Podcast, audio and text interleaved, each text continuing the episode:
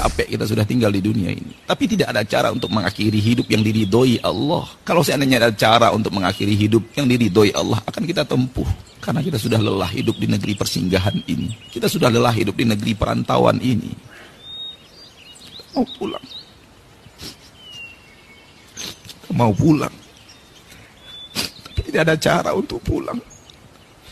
Kita wajib antri menunggu malaikat mau datang menjemput.